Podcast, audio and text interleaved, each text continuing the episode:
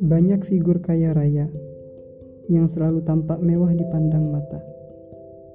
Hidup dengan bergelimang harta. Menurutku itu biasa saja. Yang luar biasa dan istimewa, dia yang katanya kaya, memilih terlihat biasa dipandang mata. Bahkan kadang terlihat seolah-olah tidak punya apa-apa.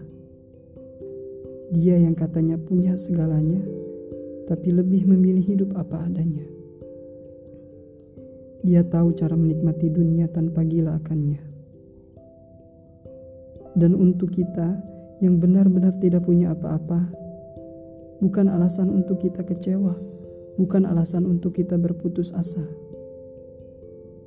Bukan perkara besar kok ketika kita dipandang rendah karena harta. Bukankah Rasulullah Shallallahu Alaihi Wasallam sering berdoa agar dijadikannya seseorang yang tak punya? Tak mengapa, boleh jadi ini bentuk kasih sayang Allah kepada kita. Agar hati tetap terjaga dari kecintaan akan dunia.